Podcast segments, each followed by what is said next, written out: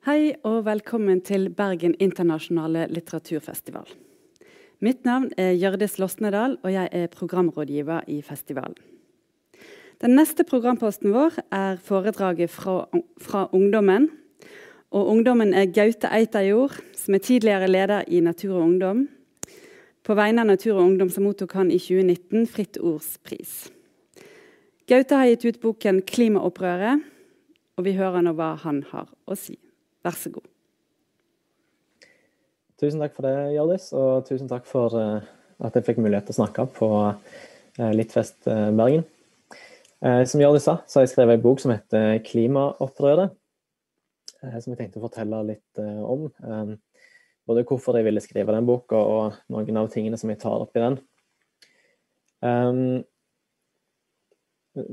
Ja, I mange år så var jeg med i Naturungdom. Nå er jeg blitt for gammel. Um, I løpet av de åra så jobba jeg mye med miljøvern. Og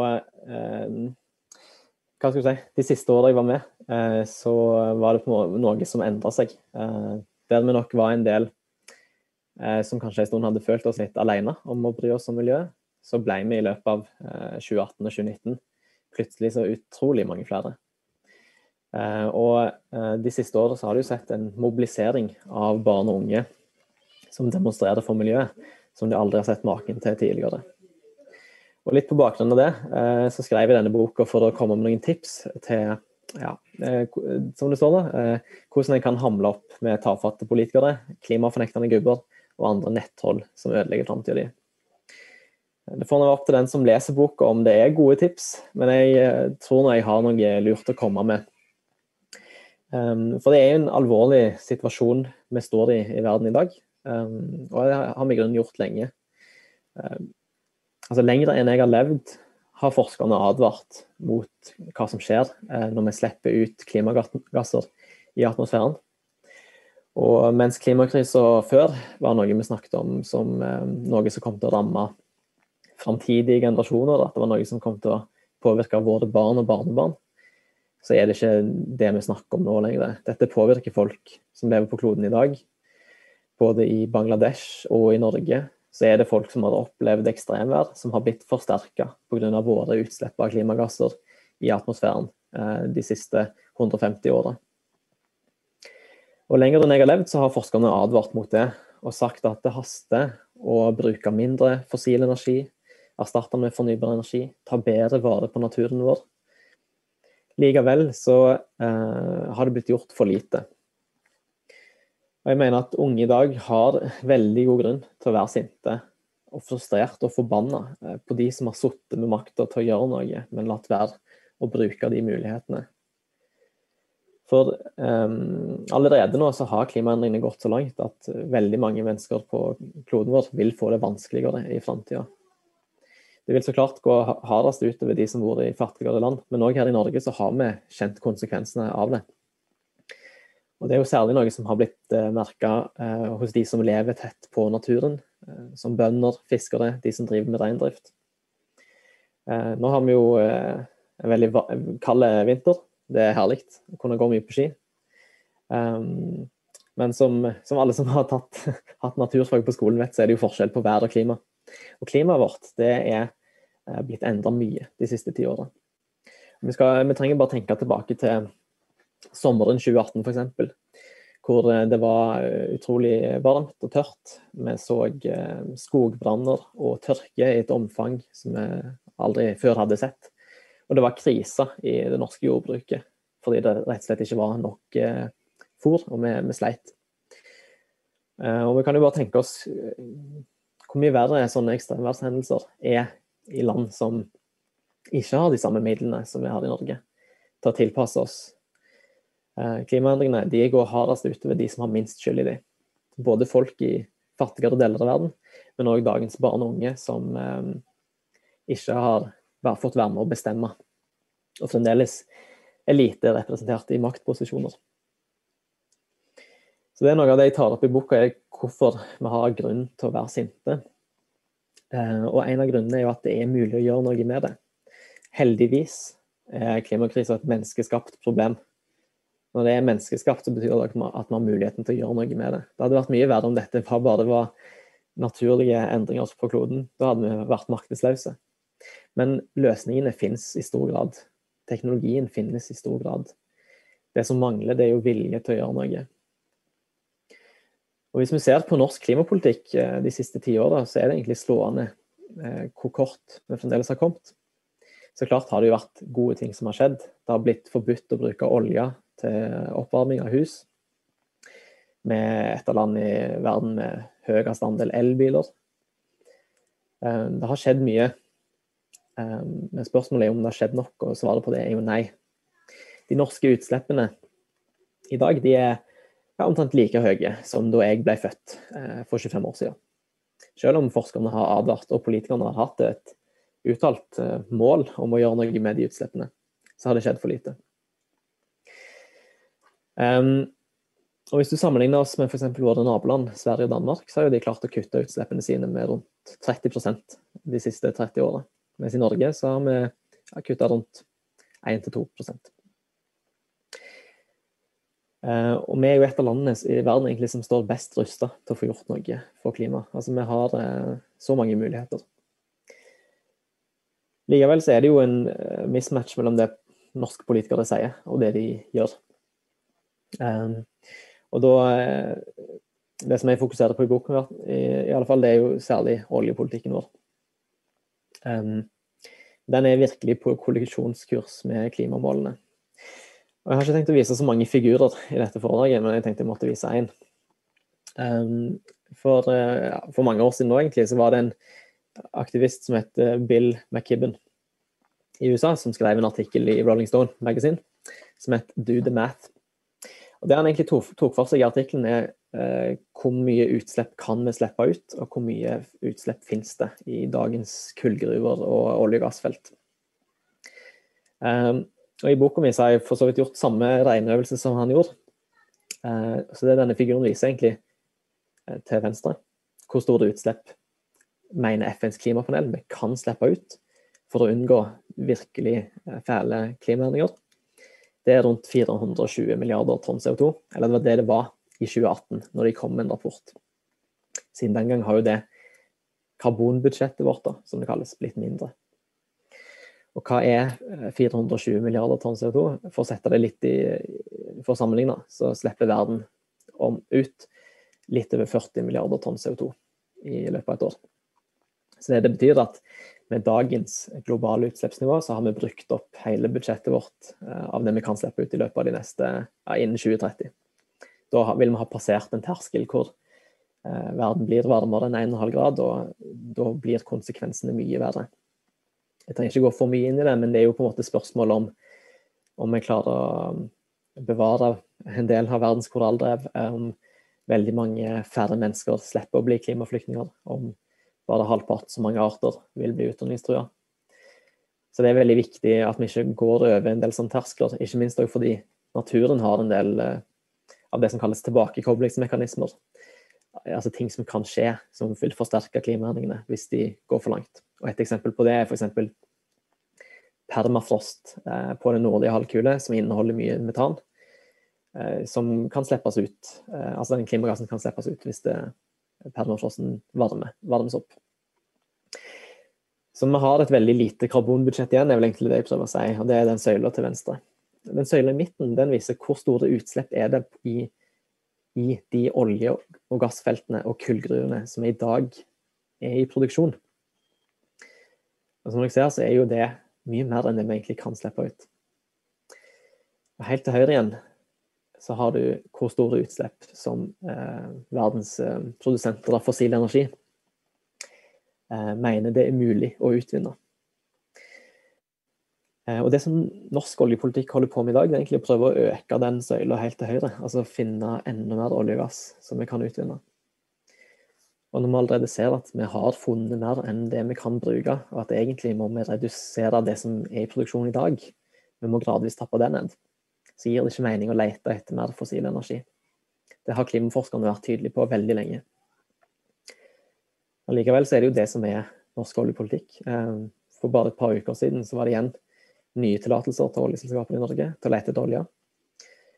Og da snakker vi jo ikke om olje som skal produseres neste år eller ja, i, i nær framtid. Det er jo snakk om å gi tillatelser til oljeselskapene til å lete etter olje som kanskje kan produseres om 10-15 år. Altså på et tidspunkt hvor vi må ha gjort veldig mye for å kutte utslippene våre. Um, så i grunnen så er jo norsk oljepolitikk i dag på kollisjonskurs med de samme klimamålene politikerne har stilt seg bak. Um, men i Norge så har vi på en måte funnet på en del sånn myter og usannheter som er veldig behagelige å fortelle oss sjøl, som gjør at vi føler vi ikke slipper å ta noe ansvar. Eh, at vi føler vi slipper å ta, å ta ansvar. Og Det er òg en ting jeg tar opp en del i boka mi, hva for, hva for noen myter som finnes i debatten, og hvordan en kan eh, kontre dem når en møter dem. Den absolutt vanligste er jo at, eh, som ofte blir sagt fra politikere i de store partiene fra oljeindustrien. Eh, ja, den absolutt vanligste er jo det at norsk olje- og gassproduksjon er ren. Derfor er det ikke et problem med vår, vår, produksjon, det er de andre som må gjøre noe med sin. Det er det samme argumentet du hører i Australia når de skal forsvare sin kullproduksjon. At den er ren, det er ikke deres produksjon som er noe problem. Men stemmer egentlig det, at vi har den reneste i verden? Ja, faktisk det er sant at en del andre land, ganske mange, bruker mer energi på å få utvunnet olje og gass enn det vi gjør i Norge. Men hvis du f.eks. går til Saudi-Arabia, så bruker de mindre fossil energi enn det vi gjør i Norge i gjennomsnitt. Og det gjør de òg på offshore-felt, ikke bare på de feltene de har på land. Så vi har ikke den reneste produksjonen i verden, selv om den kan være bedre enn noen andre sin. Men allikevel så er det jo sånn at Eh, det å utvinne olje og gass, det gir eh, Det er bare en veldig liten del av bildet. Det er litt løye, egentlig, fordi lobbyorganisasjonen Norsk olje og gass de hadde jo en reklamekampanje for et år siden som kaltes 'Det store bildet'. Hvor de mente vi måtte se litt større på det. Verden trenger energi. Norge er så lite i den store sammenhengen. Men hvis vi faktisk skal se på det store bildet, så er det sånn at godt over 90, kanskje mer 95% av utslippene fra olje og gass. Det kommer når du bruker den, ikke når du utvinner den. Så det kommer når du kjører bil, når du produserer strøm i et gasskraftverk, når du varmer opp eh, Når du koker vann på en gasskomfyr. Og det kommer du liksom ikke unna, uansett hvor den fossile energien er produsert hen. Så olje og gass det er og blir fossil energi. Det er og blir en del av liksom, den største årsaken til klimakrisa, uansett hvor det er produsert hen. Det betyr at vi er nødt til å ta ansvar i Norge òg. Men så har du en annen myte eh, som blir fremma mye, og det er at eh, ja, hvis vi produserer mindre olje i Norge, så vil bare noen andre gjøre det. Og de forskerne som har prøvd å se på det argumentet, bl.a. en del økonomer i Norge, har jo funnet at det stemmer heller ikke. Hvis det blir produsert mindre olje i Norge, så vil òg det globale oljeforbruket gå ned. Det er nok noen som vil produsere litt mer olje hvis vi produserer mindre, men det er ingen uh, total erstatning. Så um, det som bl.a. en del økonomer i Norge har konkludert med, at hvis Norge reduserer sin oljeproduksjon med 1% så går utslippene i Norge ned med 2 millioner tonn CO2. Um, og det er ganske, stor, ganske store utslippskutt. Så det, er, det, har en tydelig klimaeffekt, det at vi er en så stor eh, produsent av fossil energi som vi er i dag.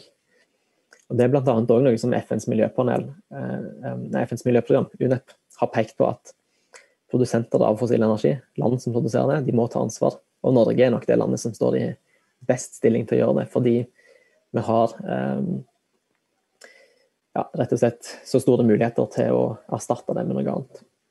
Det kommer nok ingen enkeltnæring som erstatter de eventyrlige inntektene som olja har gitt oss opp igjennom. Men framover så må verden bruke mindre fossil energi. Så det er jo ikke bare et klimaspørsmål, det er òg et spørsmål om vi skal ha et eh, næringsliv i framtida som faktisk gir verden, gir verden noe som den etterspør. Og det kommer ikke akkurat til å være fossil energi. Så Det er en del av det som boka mi handler om, er hvordan en kan eh, slå hull på sånne myter og, og, påstander som en blir møtt med. Og En annen en, eh, som jeg tenkte jeg skulle nevne, det er en som er veldig vanlig, kanskje særlig i kommentarfeltet på nettet. Det er jo at eh, Norge er et så lite land i den store sammenhengen, og at eh, det er land som Kina og India eksempel, som har store utslipp, som burde ta ansvar og kutte de. Og det vi glemmer når vi sier sånne ting, det er jo at det bor vanvittig mange mennesker i land som Kina og India. Og per innbygger så er utslippene ganske små sammenlignet med oss. Altså, I verdenssammenheng så er Norge et av landene med størst utslipp per innbygger med størst forbruk av naturressurser i, i, det hele tatt. Hvis alle skulle levd som oss, så ville vi trengt mellom to og tre jordkloder. Det sier seg selv at det går ikke an når vi har et moralsk ansvar for å leve på en måte som òg andre skal ha muligheten til å gjøre. Og ikke minst så er jo vi noen av de som har forurensa mye opp gjennom historien. Altså alle, alle mennesker på jorden deler jo den samme atmosfæren. Uh, og da er det ikke sånn at noen har mer rett enn andre på å få bruke opp muligheten til å slippe ut klimagasser. Land som Norge og andre land i si, den rikere delen av verden har jo brukt opp veldig mange av eh, mulighetene til å slippe ut klimagasser, historisk sett. Som land i Kina India, eh, folk i Kina og India ikke har fått like mye muligheter. Så da er det jo det, det som er rettferdig, er at vi tar et større ansvar ikke minst er jo det viktig for at ja, land som Kina og India skal føle at det er deres innsats òg blir eh, skal være verdt noe. Fordi hvis vi som historisk sett har forurensa masse, ikke gjør nok, ja, hvorfor skulle de gjøre noe eh, for oss? Dette er jo et samarbeid. En annen ting som vi snakker litt om i boka mi, jeg tenkte jeg bare skulle gå litt videre, det er, at utslipp av klimagasser og klimakriser det er jo bare en del av et større problem. Det at vi lever i dag utenfor naturens tålegrenser. Og vi mennesker vi, vi, bruker for mye ressurser. Og Det den um, figuren her viser, den siste figuren i dette foredraget. Um, det er egentlig rett og slett vekten av verdens pattedyr. Uh, og en skal jo tenke seg at det var jo så mye villmark på jorda at de ville pattedyra tok ganske mye plass, men de er bare 4 av vekten um, av alle verdens pattedyr i dag. Mens våre kyr og sauer og, griser, og vi mennesker sjøl, vi tar en stor del av eh, hva skal jeg si, rett og slett den fysiske plassen. Og det er jo det som er grunnen til at uh, naturen vår uh, forsvinner. At en femtedel av alle arter i Norge f.eks. er på rødlista. Altså lista over arter som har risiko for å dø ut, eller er i ferd med å få det. Um, og Det skyldes jo i stor grad at vi har et forbruk i dag som er for høyt. At vi tenker vi må kjøpe mer og mer, vi må bruke mer og mer. Vi tenker ikke over at når vi eh, tar en lang, varm dusj eller kjøper oss nye fritidsboliger så, som har høyt strømforbruk, at den, alle de eh, ressursene har jo faktisk sin pris når de skal produseres. Og Ikke minst er det viktig å være klar over dette framover når vi skal erstatte fossil energi med fornybar energi. At hvor høyt forbruk vi har av ressurser og av energi. Det, det har veldig mye å si for hvor mye natur for eksempel, vi må legge beslag på når vi skal bygge fornybar energi. Hvis vi klarer å stanse forbruket av, eller stanse veksten i energiforbruket, blir det mye lettere å erstatte fossil energi med fornybar energi. Våre, altså våre vårt overforbruk av natur i dag, det gjør jo at vi står i fare for å miste en del av de godene naturen gir oss. Et eksempel på det er jo pollinerende insekter, som veldig mye av maten i verden er avhengig av. Ehm, eller at ja, naturen er jo det som kan dempe flom, rense vann, rense luft over. Den gir oss mange tjenester, medisiner ikke minst, som kanskje vi tar litt uh, for gitt. I tillegg til dette så vil jo i hvert fall jeg mene at det naturen har jo en verdi i seg selv òg, utover nytteeffekten den har for oss mennesker. Det er jo ikke sånn at det bare skal være plass til vår art på denne kloden. Alle arter som har utvikla seg opp gjennom historien, har jo òg en rett til å finnes og utfolde seg. Likevel så ser vi at uh, veldig mye natur som vi tenker, har tenkt lenge er vanlig, den er i ferd med å forsvinne. Uh, hver, uh, et eksempel som en kan bli litt deppa av å tenke på, er f.eks. sangen 'Alle fugler', som vi synger 17. mai. Gjøk og sissik, tost og stær eh, kommet nå tilbake. Lerka jubler høyt i sky. Så av de fuglene der, så er gjøken, eh, stæren, lerka de har blitt rødlista. De har hatt massiv nedgang de siste ti årene. Fordi det blir mindre plass til det, rett og slett. Eller vi driver jordbruk på en annen måte, mer intensivt med tyne jorda, eller vi har plasser hvor vi pleide å drive jordbruk, eh, hvor vi ikke gjør det lenger, hvor det gror igjen. Ja, vi, vi, er nødt til å behandle naturen vår annerledes, rett og slett, og spille mer på lag med den. Eh, det jeg skriver litt om i boka, at dette er en del av det klimaopprøret. Altså det, mm, klima og naturvern det henger sammen. Ikke minst fordi veldig mye natur lagrer CO2 og kan gjøre oss rusta eh, i møte med klimakrisen. Og det er jo liksom alle de lokale sakene som gjør at eh, naturen forsvinner, eller at vi har utslipp av klimagasser. Jeg tenkte jeg skulle nevne ett eksempel som jeg jobber med i Natur og Ungdom det er at uh, på Karmøy har politikerne lenge ønsket å bygge, bygge en ny vei uh, fra en plass som heter Åkra sør til Veaklassen. Uh, jeg vet ikke hvor mange av de som ser på dette foredraget som er kjent på Karmøy, men det er noe snakk om å bygge en Plassen de hadde tenkt å, de har lyst til å bygge veien, i hvert fall, går gjennom veldig mye jordbrukslandskap og naturområder. Hvor det bl.a. finnes hubro, vår største ugle, og masse andre fugler som er, har forsvunnet mye i Norge de siste ti åra. F.eks. som åkerdriksa eh, eller storspove. I tillegg finnes det sjelden natur der, som kystlynghei.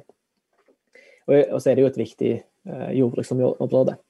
Det bildet til venstre er fra en aksjon vi hadde eh, for et par år siden, eh, hvor vi møtte lokalpolitikere og stilte spørsmålet spiser du asfalt til frokost. For er det er det egentlig det alltid å måtte bygge så mye raskere veier som går gjennom naturområder? Hvis den veien vi allerede har, er god nok? Altså er det verdt å få litt, et par minutter kortere reisevei eh, når vi må ofre så mye, som i tilfellet med denne veien her? Eh, jeg mener i hvert fall ikke det. og jeg har tatt med denne veien som et eksempel på at det nytter å stå på og vise motstand når politikerne foreslår sånne ting. Fordi Pga. innsatsen som eh, Naturungdom og Naturvernforbundet og Sabima og Ornitologisk forening og grunneiere på Karmøy gjorde, eh, så har f.eks. Klima- og miljødepartementet anbefalt at den veien ikke burde bygges med de planene man har nå. Og I tillegg til det så er det ikke penger til å bygge den. Så så langt så er den, det prosjektet skrinlagt.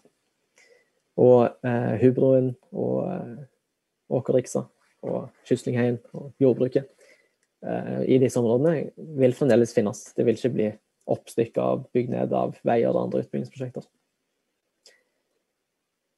Og Det har jo kommet fordi noen har sagt det, noen har på.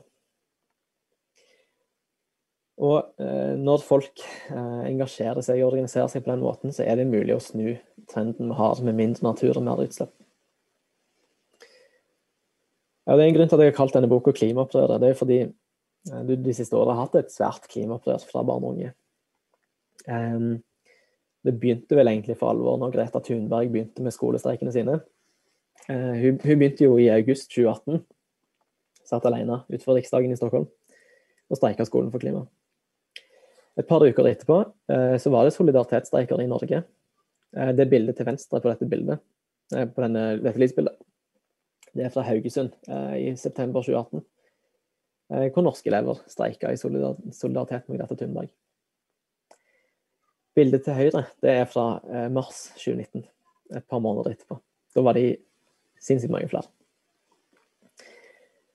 Um, og det at Greta Thunberg satte i gang med skolestreikene sine, det har egentlig bare skapt en snøball som har rulla og balla på seg, og vist hvor stort miljøengasjement og hvor stort bekymring barn og unge har for miljøet. Uh, og det har jo ikke alltid vært lett for barn og unge å stikke seg fram på denne måten. De har møtt mye uh, usaklig motstand, mye hets, mange hersketeknikker. Uh, men de har jo ikke latt seg kue. De har jo stått på og fremma kravene sine, selv i møte med de styggeste reaksjonene fra de voksne. Og kanskje det største som jeg fikk være med på i min tid i Naturungdom, det var jo klimastreiken 22.3. Um, dette bildet er fra Karl Johan den dagen utenfor Stortinget, hvor det var 20 000 elever som streika Skolen for klima. Og i hele Norge den dagen var det jo 40 000, nesten 80 steder. Ja, fra hovedstaden til den minste bygda, egentlig. Og en lignende mobilisering og, og, maktdemonstrasjon fra unge i Norge, det har du aldri sett maken til. Aldri før har du sett så mange barn og unge både i Norge og hele verden gå sammen om én sak. Og Det er egentlig ikke så rart. Det, som vi var inne på i starten, så har jo politikerne og disse styrene, de som er eldre enn oss, visst om dette ufattelig lenge og gjort så lite. Og det finner vi oss ikke i lenger. Eh, og det føltes jo veldig stort eh, å være med på det den dagen. Det skriver jeg jo litt om i boka, da, men eh, som, som, en som har vært med og engasjert seg for miljøet lenge, så har jeg jo kanskje følt seg litt alene av og til.